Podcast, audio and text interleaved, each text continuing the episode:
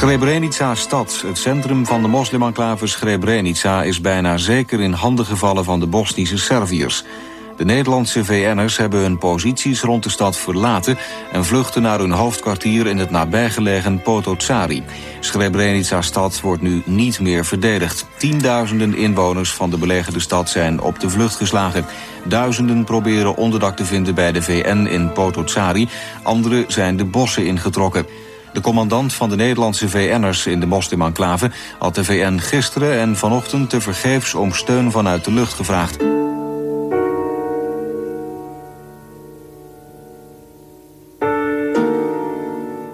Volgens de VN, op gezag van de VN, ook volgens, uh, dacht ik, de landmachtleiding... ging het uitsluitend om die Zuidoostpunt. Pas later zou blijken dat de bedoelingen van de Serviërs aanzienlijk verder gingen. En het antwoord was steeds... Uh, ook op de laatste dag nog, de ochtend van de tiende... dat uh, het inzicht was van de VN. Dat het uitsluitend ging om die Zuidoostpunt. We maken allemaal onze uh, inschattingen in zo'n situatie in uh, de mist van de oorlog. Niemand weet precies wat er verder gaat gebeuren. Um, Nederland had geen onafhankelijke eigen inlichtingen uit Servische bronnen. Wij moesten dus beoordelen op grond van wat andere mogendheden uh, wisten of inschatten... en wat de VN daarover uh, zei of wist of meende te weten.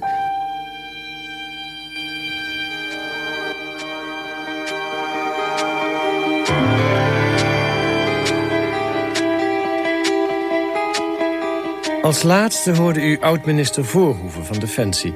tijdens zijn verhoor door de commissie Bakker. Die commissie van de Tweede Kamer, onder leiding van D66-Kamerlid Bakker... onderzocht de Haagse besluitvorming rond de missie van Dutchbed in Srebrenica.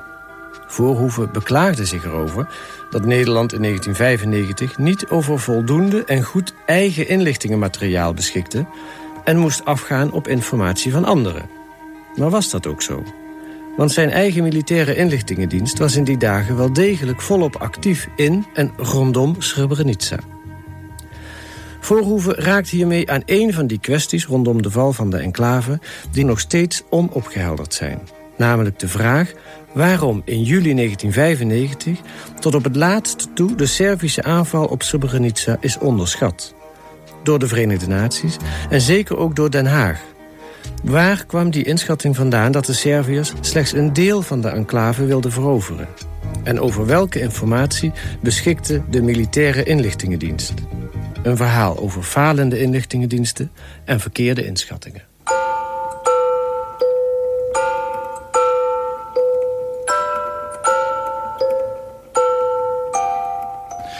De Serviërs willen alleen het zuidelijke deel van de enclave... want uh, daar bevindt zich een mijn en een belangrijke doorgangsweg. Dat had een zekere logica.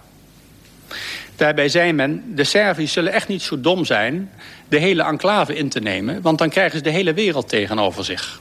Dat is gewoon niet in hun belang. Oud-minister Voorhoeven, tijdens zijn verhoor door de commissie Bakker in mei 2000.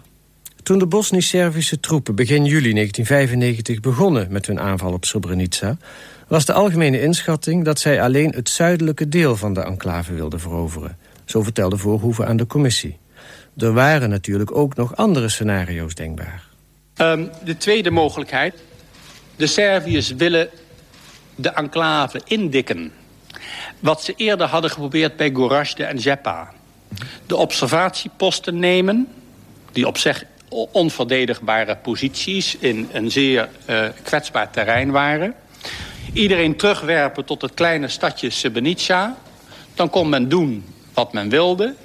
En zou men bovendien de militairen die constant waren gelegerd rondom de grotere enclave... kunnen concentreren en militairen vrijmaken voor het zeer grote front... wat de Bosnische Serviërs toen hadden in Bosnië.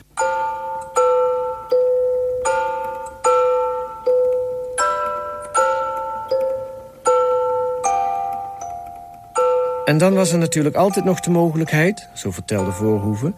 dat de Serviërs de hele enclave onder de voet wilden lopen. Maar daar wilde eigenlijk niemand aan tijdens die spannende julidagen in 1995. Zelfs tegen beter weten in. Zo vertelde topambtenaar De Winter tegen de commissie Bakker. De Winter was in juli 1995 directeur Algemene Beleidszaken op het ministerie van Defensie. Hij was toen frequent aanwezig in de zogenaamde bunker... het crisiscentrum onder het ministerie van Defensie... waar de top van het ministerie veelvuldig in crisisberaad bijeen was. Uh, een belangrijk onderwerp, uh, herinner ik mij, was steeds de vraag... wat de bedoelingen waren van de Serviërs. Of ze van plan waren de hele enclave te veroveren. Of dat het uitsluitend ging, zoals lange tijd werd aangenomen... om de zuidoostpunt van de enclave... waar een weg doorheen liep in de richting van Sarajevo. En volgens de VN, op gezag van de VN, ook volgens, uh, dacht ik, de landmachtleiding... ging het uitsluitend om die zuidoostpunt. Pas later zou blijken dat de bedoelingen van de Serviërs aanzienlijk verder gingen. En het werd duidelijk... Uh, een dag of drie, vier, dacht ik, althans wat mij betreft, uh, voor de val. Omdat de Serviërs observatieposten van Dutsbad begonnen aan te vallen aan de westzijde en aan de noordzijde van de enclave. Wat wat merkwaardig was als hun bedoeling uitsluitend waren de zuidoostpunt te bezetten. maar het is pas eigenlijk volstrekt duidelijk geworden dat de Serviërs de enclave wilden veroveren op de tiende, dus de dag voor, voor de val. U zegt dus, een, wat u zelf betreft, een dag of drie eerder... had u voor uzelf al het gevoel van... Uh, dit kunnen ze niet uh, meenemen dat ze het beperken tot die Zuidoost... Uh... Ik vond het heel merkwaardig en ik heb dat eigenlijk ook gevraagd. Hoe is het mogelijk als de bedoeling uitsluitend is de Zuidoostpunt? Waarom vallen ze dan die observatieposten ver weg aan de westkant... en aan de noordkant van de enclave aan? En het antwoord was steeds, ook op de laatste dag nog... de ochtend van de tiende, dat het inzicht was van de VN dat het uitsluitend ging om die Zuidoostpunt. Vond u dat een uh, bevredigende reactie? Nee, ik, ik bleef mijn vragen uh, houden. Maar uiteraard, uh, als militaire deskundigen zeggen dat het zo is... dan begin je enigszins te twijfelen of het inderdaad wel zo is. Dus ik, ik wist niet zeker wat er nou precies gaande was. Heb je daarover ook met de minister Voorhoeven gesproken toen? In... het kan, ik neem aan dat de minister bij een aantal van die briefings aanwezig was. maar zeker weten doe ik dat niet meer. Maar u neemt dus ook aan dat de discussie binnen de bunker over die vraag... al eerder uh, tot hem doorgedrongen zal zijn dan op die tiende? Dat kan, maar nogmaals, het standaard antwoord was... en dat mij enigszins verbaasde, maar dat werd gegeven op gezag van de VN... het standaard antwoord was, uh, antwoord was, het gaat om de Zuidoostpunt... en dus niet om de hele enclave. Hoge ambtenaar De Winter moest afgaan op het oordeel van de militaire deskundigen. En die bleven erbij dat de Servische troepen het niet om de hele enclave te doen was. Dat was zeker ook de opvatting van de top van de Nederlandse landmacht. Zelfs nog op 10 juli 1995, de dag voordat de enclave viel.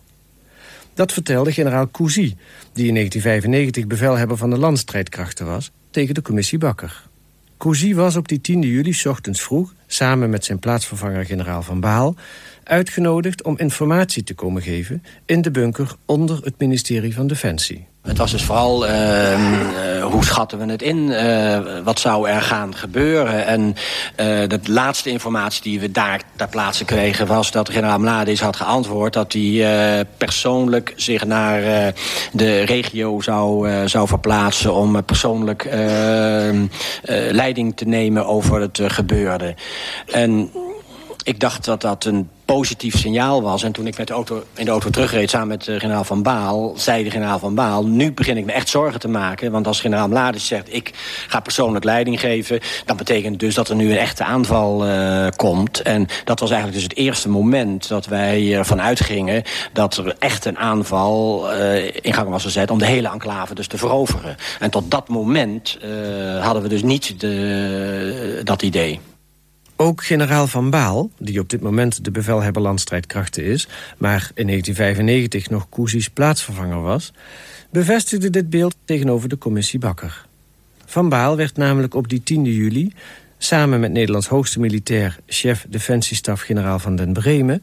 naar Zagreb gestuurd om daar te proberen bij UNPROFOR-commandant Janvier opheldering te krijgen. En zelfs toen Van Baal op de ochtend van 11 juli 1995 de dag dat Srebrenica viel, in Zagreb arriveerde... was hij er nog steeds niet van overtuigd dat de Serviërs het op de hele enclave hadden voorzien. Zo vertelde hij tegen de commissie Bakker. de ontwikkelingen die, uh, die wij zagen op afstand... Uh, die gaven aan dat er eigenlijk een, een, situatie was...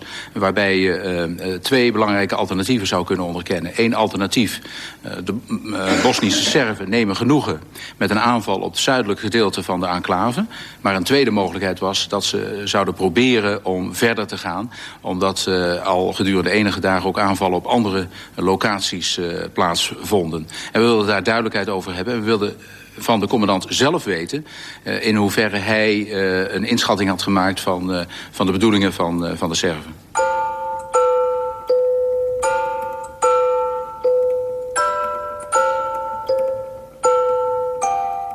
Zelfs op de 11e juli, toen Srebrenica op het punt stond om te vallen... was er bij de Nederlandse legertop dus nog steeds onduidelijkheid... over de bedoelingen van de Serviërs met de enclave. Althans, dat zegt generaal Van Baal. En dat is opmerkelijk, gezien de uitkomsten van een eerdere reis van de Nederlandse legertop naar voormalig Joegoslavië, drie maanden daarvoor, begin april 1995.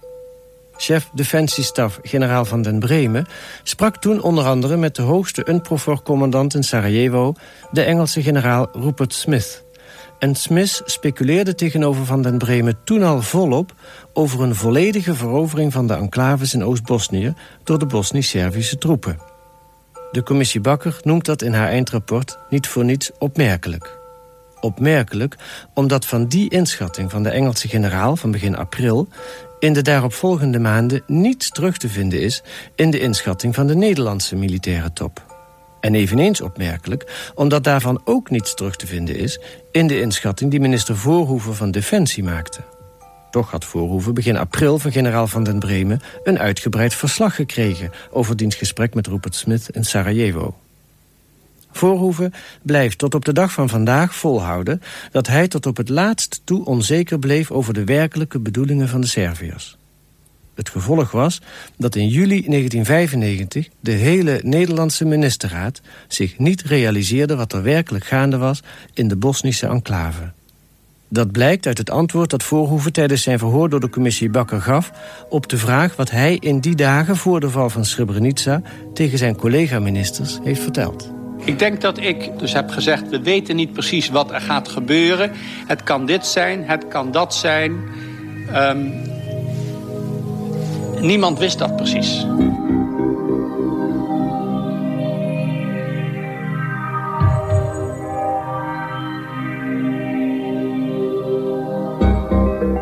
Nederland had geen onafhankelijke eigen inlichtingen uit Servische bronnen.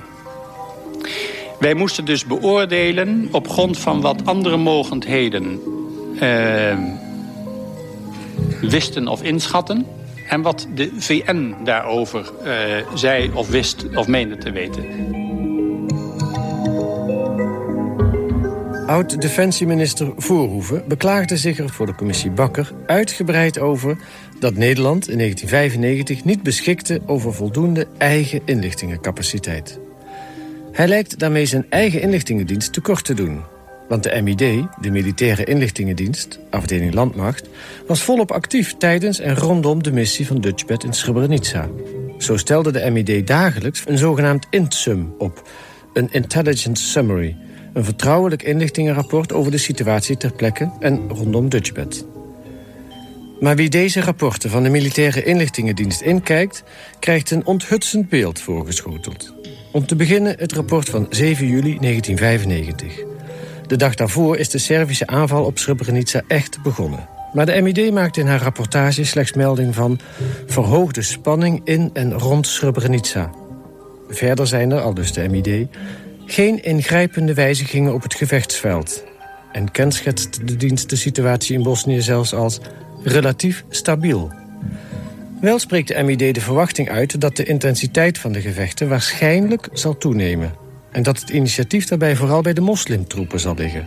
Terwijl het juist de Servische troepen zijn die op dat moment de aanval op Srebrenica volop hebben ingezet. Drie dagen later, op 10 juli, de dag voordat de enclave valt, schrijft de MID... Militaire inlichtingendienst, afdeling landmacht, insum 13095. 10 juli 1995, 12 uur plaatselijke tijd. Het heeft er alle schijn van dat de VRS, het Bosnisch-Servische leger... met zijn huidige optreden in de Srebrenica-enclave... verbetering van de controle over het zuidelijk deel van de enclave beoogt. De VRS wil met zijn huidige actie waarschijnlijk een betere controle... over de voor de Bosnische Serviërs belangrijke Oost-West verbindingsweg... ten zuiden van de enclave verkrijgen. De VRS lijkt dan ook geen volledige bezetting van de Srebrenica-enclave na te streven. Dus op dat moment, als in Srebrenica Dutchbed steeds verder in het nauw wordt gedreven... en Dutchbed-commandant Karamans wanhopig om luchtsteun smeekt... denkt de MID nog steeds dat de Serviërs slechts een stukje van de enclave willen bezetten. En ook de volgende dag, 11 juli 1995, de dag dat de enclave Srebrenica valt... blijft de inlichtingendienst in dat standpunt volharden. Militaire inlichtingendienst, afdeling landmacht, Insum 131 95 11 juli 1995, 12 uur plaatselijke tijd. Ondanks de recente ontwikkelingen lijkt het nauwelijks waarschijnlijk dat de Bosnische Serviërs de Srebrenica-enclave volledig willen innemen en zullen blijven staan op ontruiming. Het lijkt namelijk niet in het belang van de Bosnische Serviërs om de moslims in de enclave toe te staan zich naar een ander deel van Bosnië-Herzegovina te begeven. Dit zou de achtste operationele groep, circa 3000 tot 4000 man, in de gelegenheid stellen de Bosnische regeringsstrijdkrachten elders te versterken. Bovendien beschikt de VRS ook niet over voldoende infanterie om de enclave duurzaam te bezetten. Vooralsnog lijkt bij de recente gebeurtenissen vooral sprake van een Bosnisch-Servische poging om de besluitvaardigheid van de VN te testen. De VRS heeft zijn opmars mogelijk verder doorgezet dan aanvankelijk was voorzien. Deze volkomen verkeerde inschattingen van de situatie in Srebrenica door de MID... zullen er ongetwijfeld toe hebben bijgedragen dat men ook op het ministerie in Den Haag... tot het laatst toe is blijven geloven in een slechts gedeeltelijke bezetting van de enclave. Maar de MID gaat door. Op 12 juli 1995, als de enclave de dag daarvoor helemaal onder de voet is gelopen lijkt de opsteller van de inlichtingenrapporten... zijn verkeerde inschattingen van de voorafgaande dagen... nog steeds niet te willen erkennen. Hij schrijft... Het moet worden betwijfeld of de bezetting van de Srebrenica-enclave... door de Bosnische Serviërs is ingegeven door vooraf bepaald beleid.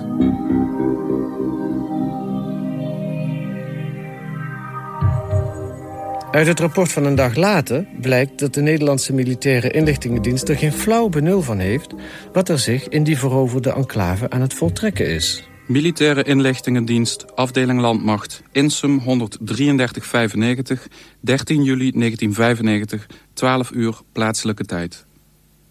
De VRS-strijdkrachten, Bosnische Serviërs, controleren de enclave nagenoeg volledig. Momenteel zoekt de VRS nog naar ABI-strijders, Bosnische regeringsstrijdkrachten, die het onherbergzame terrein zijn ingevlucht. De VRS voert de moslimbevolking af naar centraal Bosnië-Herzegovina. De weerbare mannen worden verzameld in Bratunac, ten noorden van de enclave. De Bosnische Serviërs willen in Bratunac onderzoeken of zich onder de hier verzamelde groep mannen oorlogsmisdadigers bevinden. Het door de VRS verzamelen van de weerbare mannen uit de Srebrenica-enclave lijkt vooral bedoeld om te voorkomen dat deze groep andere ABI-eenheden versterkt. Er moet dan ook nog worden afgewacht in hoeverre de Bosnische Serviërs bereid zijn deze groep te laten gaan. Internering in een krijgsgevangenkamp moet dan ook niet worden uitgesloten. Internering in een krijgsgevangenkamp. Uit het Nederlandse inlichtingenrapport klinkt geen enkel besef door... van het lot dat de mannelijke moslimbevolking van Srebrenica te wachten staat. De volgende dag, 14 juli 1995, schrijft de inlichtingendienst over de moslimmannen van Srebrenica niet meer dan dat zij zich in Bratunac zouden bevinden en dat hun positie onbekend is. Na het vertrek van het grootste deel van de moslimbevolking uit Srebrenica... blijven de mannen ouder dan 16 jaar... voor zover zij zich nog in de handen van de VRS bevinden... in een gijzelaarspositie.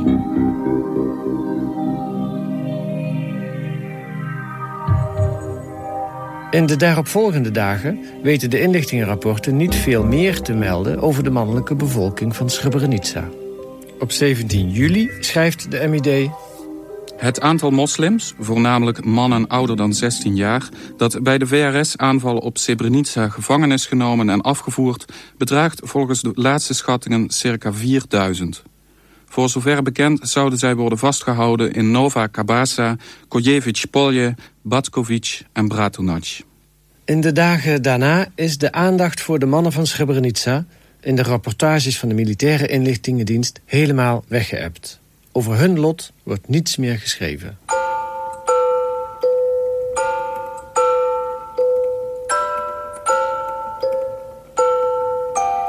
De INTSUMS, de inlichtingenrapporten van de Militaire Inlichtingendienst, afdeling Landmacht, leveren dus een triest beeld op. Een beeld van een lange reeks verkeerde inschattingen. Misschien is het daarom wel begrijpelijk dat oud-minister Voorhoeven... tijdens het verhoor door de commissie Bakker... de activiteiten van zijn eigen inlichtingendienst lijkt te negeren.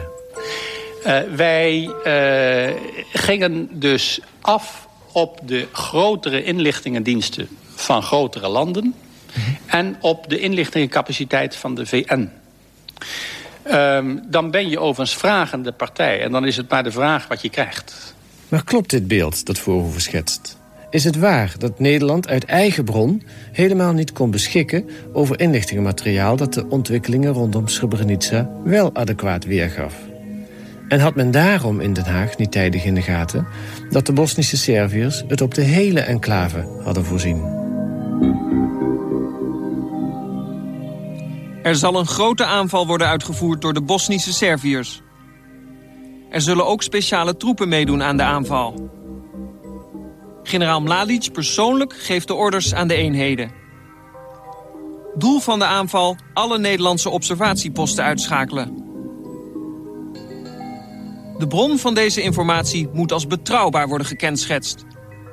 Een fragment uit het tv-programma Nova van 11 juli 2000. Het zijn citaten uit een fax die toen door Nova werd onthuld. Een fax die aan duidelijkheid niets te wensen overlaat. Er is een grote aanval op Srebrenica-opkomst... die zich zeker niet zal beperken tot slechts een deel van de enclave. De fax is vanuit de enclave verstuurd door Dutchbed-commandant Karamans...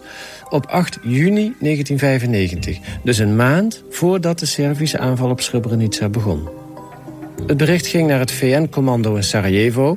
waar de Nederlandse generaal Nicolai chefstaf was... naar het VN-commando in Tuzla, waar de Nederlandse kolonel Brands zat...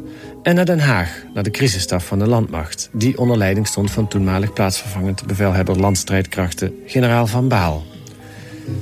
Kolonel Brands verklaarde in Nova dat hij de fax nooit onder ogen heeft gehad. En volgens Nova heeft generaal Van Baal de fax nooit doorgestuurd naar minister Voorhoeven. Misschien is de reden dat er met dit alarmerende bericht niets gedaan is... de bron van de informatie. Dat was namelijk de inlichtingendienst van de moslims. Men vond informatie afkomstig van het moslimregeringsleger... blijkbaar niet betrouwbaar genoeg. In Nederlandse militaire kringen klonk wel vaker wantrouwen tegenover de moslims door. Wel stelt dit een opmerking die oud-minister Voorhoeven tegenover de commissie Bakker maakte... in een wat vreemd daglicht. Ik stel vast dat wij uh, geen uh, tijdige, uh, adequate uh, waarschuwingen van andere inlichtingendiensten hebben gekregen over wat er stond te gebeuren. Ik zeg met opzet geen tijdige, adequate waarschuwingen. Nederland heeft zijn eigen analysecapaciteit maximaal benut en bleef dus met de fog of war zitten. Oud-minister Voorhoeven. Maar heeft Nederland zijn eigen analysecapaciteit wel maximaal benut, zoals Voorhoeven stelt? Want het verhaal gaat nog verder. Ook binnen het eigen inlichtingenapparaat van Dutchbed en de Nederlandse landmacht waren er wel degelijk mensen die de ontwikkelingen rond de enclave wel juist en adequaat hebben ingeschat. Alleen werd met hun informatie niets gedaan. Althans, dat blijkt uit een aantal documenten verslagen van gesprekken met hoge officieren van de militaire inlichtingendienst. En die gesprekken hebben eind juli, begin augustus 1995 plaatsgevonden. Allereerst is er het verslag van een gesprek op 25 juli 1995... met een van de hoogste officieren van de MID bij de landmacht... hoofd Inlichtingen en Veiligheid Bokhoven. Daarin komt, onder andere onder verwijzing naar de insums van de MID... weer het inmiddels vertrouwde beeld naar voren... De totale verovering van de enclave was niet te voorzien. Bokhoven toont de rapportages verbindingsinlichtingen afgesloten 6 juni... met het oog op eventuele voorkennis van de Servische aanval. Hij heeft bevestigd dat niets concreet wees op ongebruikelijke Servische troepenbewegingen of de aanwezigheid van ongeïdentificeerde eenheden in het gebied voor de aanval op Srebrenica.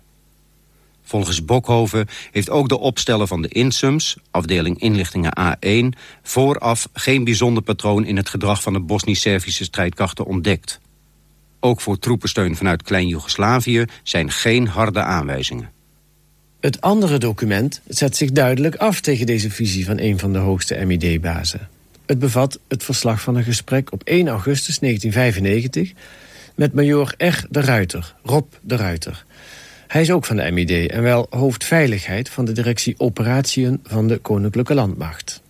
Over de aanloop tot de aanval van de Servische troepen op Srebrenica stelt het verslag...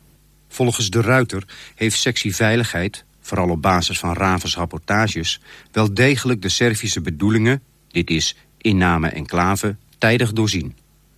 Het patroon van de Bosnisch-Servische strijdkrachten... dat wil zeggen het uitmergelen van het bataljon tot het rijp was voor rotatie... was immers als uit het boekje... Bovendien waren verplaatsingen van het geschut van het Bosnisch-Servische leger... en van het Bosnische regeringsleger gemeld... en het Bosnische regeringsleger was druk met stellingbouw. Volgens de Ruiter wilde echter niemand bij de sector Noordoost... in het bataljon of bij de sectie inlichtingen naar deze signalen luisteren. We waren roepende in de woestijn. Iedereen, inclusief het Bosnië-Herzegovina Command... bleef tot het laatst geloven dat het de Bosnisch-Servische strijdkrachten... alleen ging om de zuidoostelijke hoek en het kruispunt. Aan de bron waarna major de Ruiter verwijst... wordt in het verslag een apart PS gewijd. PS de Ruiter heeft het gros van de informatie over de interne verhouding in het bataljon via zijn contactman Raven. Raven is sergeant-majoor E. Raven. Raven zat in Srebrenica bij Dutchbed. Hij zat er eigenlijk als inlichtingenman, maar trad tegelijkertijd ook op als liaison-officier. Dat is de officier die het contact moest onderhouden met de strijdende partijen. Raven verving de eigenlijke liaison-officier van Dutchbed... omdat die na verlof door de Serviërs niet meer tot de enclave werd toegelaten. Door deze liaisonfunctie behoorde Raven tot de staf van Dutchbed-commandant Karamans... en was bij alle belangrijke besprekingen. Hij was bijvoorbeeld ook aanwezig bij de gesprekken die Karamans voerde... met de Bosnisch-Servische generaal Mladic. Raven zat dus overal met zijn neus bovenop. Voor een inlichtingenman een ideale positie. In het gespreksverslag met major de Ruiter wordt dan ook bijna tevreden opgemerkt... over deze dubbelfunctie van sergeant-major Raven...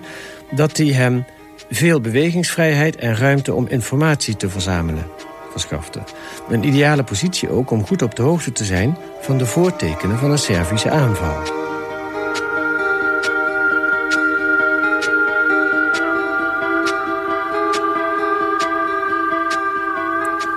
Overigens verzamelde Raven ook inlichtingen over de interne gang van zaken binnen Dutchbed. Bijvoorbeeld over het functioneren van commandant Karmans en zijn plaatsvervanger Franke. En ook die informatie gaf hij rechtstreeks door aan Den Haag... aan zijn contactpersoon daar, major Rob de Ruiter. De Ruiter en Raven zijn namelijk contra-inlichtingenmannen. De Ruiter was bijvoorbeeld ook een van de hoge MID-officieren... die een hoofdrol speelde bij het mislukken van het beruchte fotorolletje.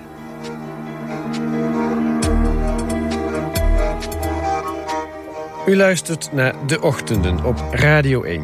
De VPRO met Argos. Vandaag over de val van Srebrenica.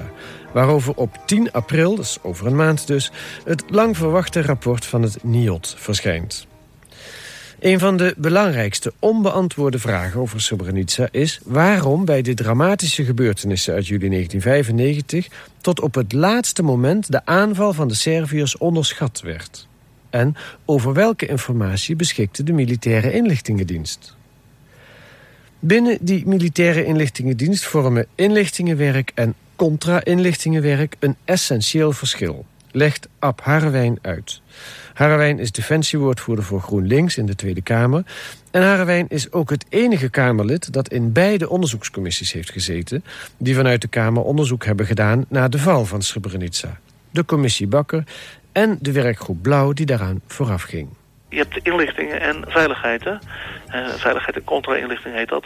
Inlichtingmensen zijn ervoor om uh, te weten te komen wat, wat, wat doet de omgeving. Hè? Wat doen de Serviërs, wat doen de moslims. Uh, en dat, dat, daar was men met een officiële lijn via uh, Zagreb Sarajevo kwam dat binnen. Dat liep via de VN dan? Dat liep via de VN.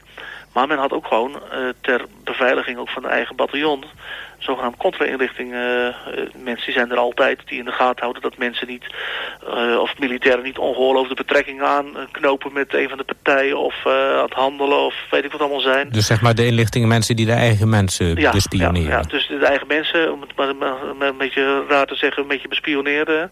Maar om het positief te zeggen, die ook wel een verantwoordelijkheid hebben voor de veiligheid van zo'n bataljon. Dat er geen dingen ja. gebeuren die de missie in gevaar brengen. Dus dat zijn mensen van de afdeling veiligheid? Ja, die, die, die lijn, die contra-inlichting uh, veiligheid, dat was een directere lijn met de enclave. En daar kwamen ook wel weer gewone inlichtingen uit voort. Uh. Maar dat, dat liep dan van Den Haag, uh, daar zat gewoon een, een hoog officier van, van de MID die die veiligheid onder zich had. Die had dan contact met iemand in, ja, in een contactpersoon, maar het was geen officiële, maar dat was meer een officieus lijntje, zou ik maar zeggen. En die had dan contact in uh, die enclave. En een dat van ging de, dan ook een beetje buiten de VN-structuur. Ja. Dat was een, een Ja. direct Nederlandse lijn. Dat was een direct Nederlands lijntje. De juiste informatie over de Servische aanval op Srebrenica die op handen was... is dus wel degelijk via het inlichtingenapparaat in Den Haag terechtgekomen. Maar waarom is die daar niet verder doorgedrongen? Volgens Harwijn zijn daarvoor twee mogelijke verklaringen. Misschien heeft major de Ruiter geprobeerd achteraf mooi weer te spelen. Het gesprek waarvan het document verslag doet... heeft immers pas in augustus 1995 plaatsgevonden. En achteraf is het altijd gemakkelijk om te zeggen... dat je het allemaal allang wist, al dus Harwijn. Dus je eigen positie markeren heet dat. Hè? Dat is de ene mogelijkheid. Maar aan de andere kant is het ook zo van dat ik me ook kan voorstellen dat er toch ook een wat strikte scheiding was tussen de veiligheidsmensen en de inlichtingenmensen. De echte inlichtingenmensen keken nog wel neer op de contra-inlichtingenmannetjes, zo noemen ze ze wel eens. Hè, die, ja, die hadden toch een soort, eh, toch een soort andere status. Ja, de, Ja, de contra-inlichtingenmannen die, die zijn lager in de pikorde, zal ik maar zeggen. Ja, daar houden ze niet zo van. Het zijn toch een beetje interne spionnen, worden ze wel eh, gezien. Hè? Terwijl het echte inlichtingenwerk, het verzamelen van eh, informatie over wat alle betrokken partijen allemaal doen, dat is natuurlijk een beetje meer, meer, eh, heeft meer een soort spannend imago, zou ik maar zeggen. Ja. Eh, En eh, ik kan me de, de, de sfeer eh, destijds de cultuur eh, van de landmacht kennende. Dus, eh, ja, zijn dat gewoon altijd stamoorlogen geweest. Dus het kan ook heel goed zijn dat eh, als inderdaad die inlichtingen en niet achteraf zo eh, eh, bij elkaar eh, gezet zijn als een soort nou ja, positiemarkering. Maar inderdaad via die lijn wel gekomen zijn. Ik kan me goed voorstellen dat ze gesmoord zijn en dat eh, er weinig mee gedaan is. Gewoon weggewoven, dat is jullie werk niet. eh, en wij hebben de officiële lijn met Sarajevo enzovoort. Zoiets kan ik me best voorstellen. Maar achteraf gezien is dat toch wel heel triest eigenlijk. Dat dus de informatie, de juiste informatie wel doorkwam... maar dat men die om dit soort ja, prestigeredenen of zo genegeerd zou hebben. Nou, ik denk dat er nog iets anders mee speelde ook. Ehm, het is ook al zou er geen prestige en dan kwam al die informatie door. Het past ook helemaal niet in het beeld. Hè? Men had absoluut eh, niet het idee dat een van de partijen, in dit geval eh, de Serviërs, het lef zouden hebben een hele VN-eenheid op te rollen. Hè? dat kon gewoon niet. Ik bedoel, er werd continu gepraat. Hè? Er was continu ook overleg, ook al ging het vechten door. Tussen de maar er was VN gevochten en- tegen de moslims. En eh, ja, die enclaves, daar, moest, daar zouden ze toch afblijven. Dat was gewoon niet denkbaar. Dat ze, en natuurlijk gingen ze observatieposten wegtreiteren. Gaan ze proberen de enclave kleiner te maken. Ik bedoel, dat konden ze zich allemaal voorstellen. Maar het idee dat er een, door de VN beschermde, hè, door aanwezigheid beschermde enclave... helemaal opge met geweld opgerold zou worden, dat was ondenkbaar. En, en wie bedoelt u dan met ze? Eh, de mensen in Den Haag of de leiding van de VN? Eh, al- allen, Allen. allen eh, hebben niet verwacht dat dit kon gebeuren. Srebrenica stad, het centrum van de moslimenclave Srebrenica... is bijna zeker in handen gevallen van de Bosnische Serviërs. De Nederlandse VN'ers hebben hun posities rond de stad verlaten... en vluchten naar hun hoofdkwartier in het nabijgelegen Potocari. Srebrenica stad wordt nu niet meer verdedigd. Tienduizenden inwoners van de belegerde stad zijn op de vlucht geslagen. Duizenden proberen onderdak te vinden bij de VN in Potocari. Anderen zijn de bossen ingetrokken. De commandant van de Nederlandse VN'ers in de moslimenclave... had de VN gisteren en vanochtend tevergeefs om steun vanuit de lucht gevraagd.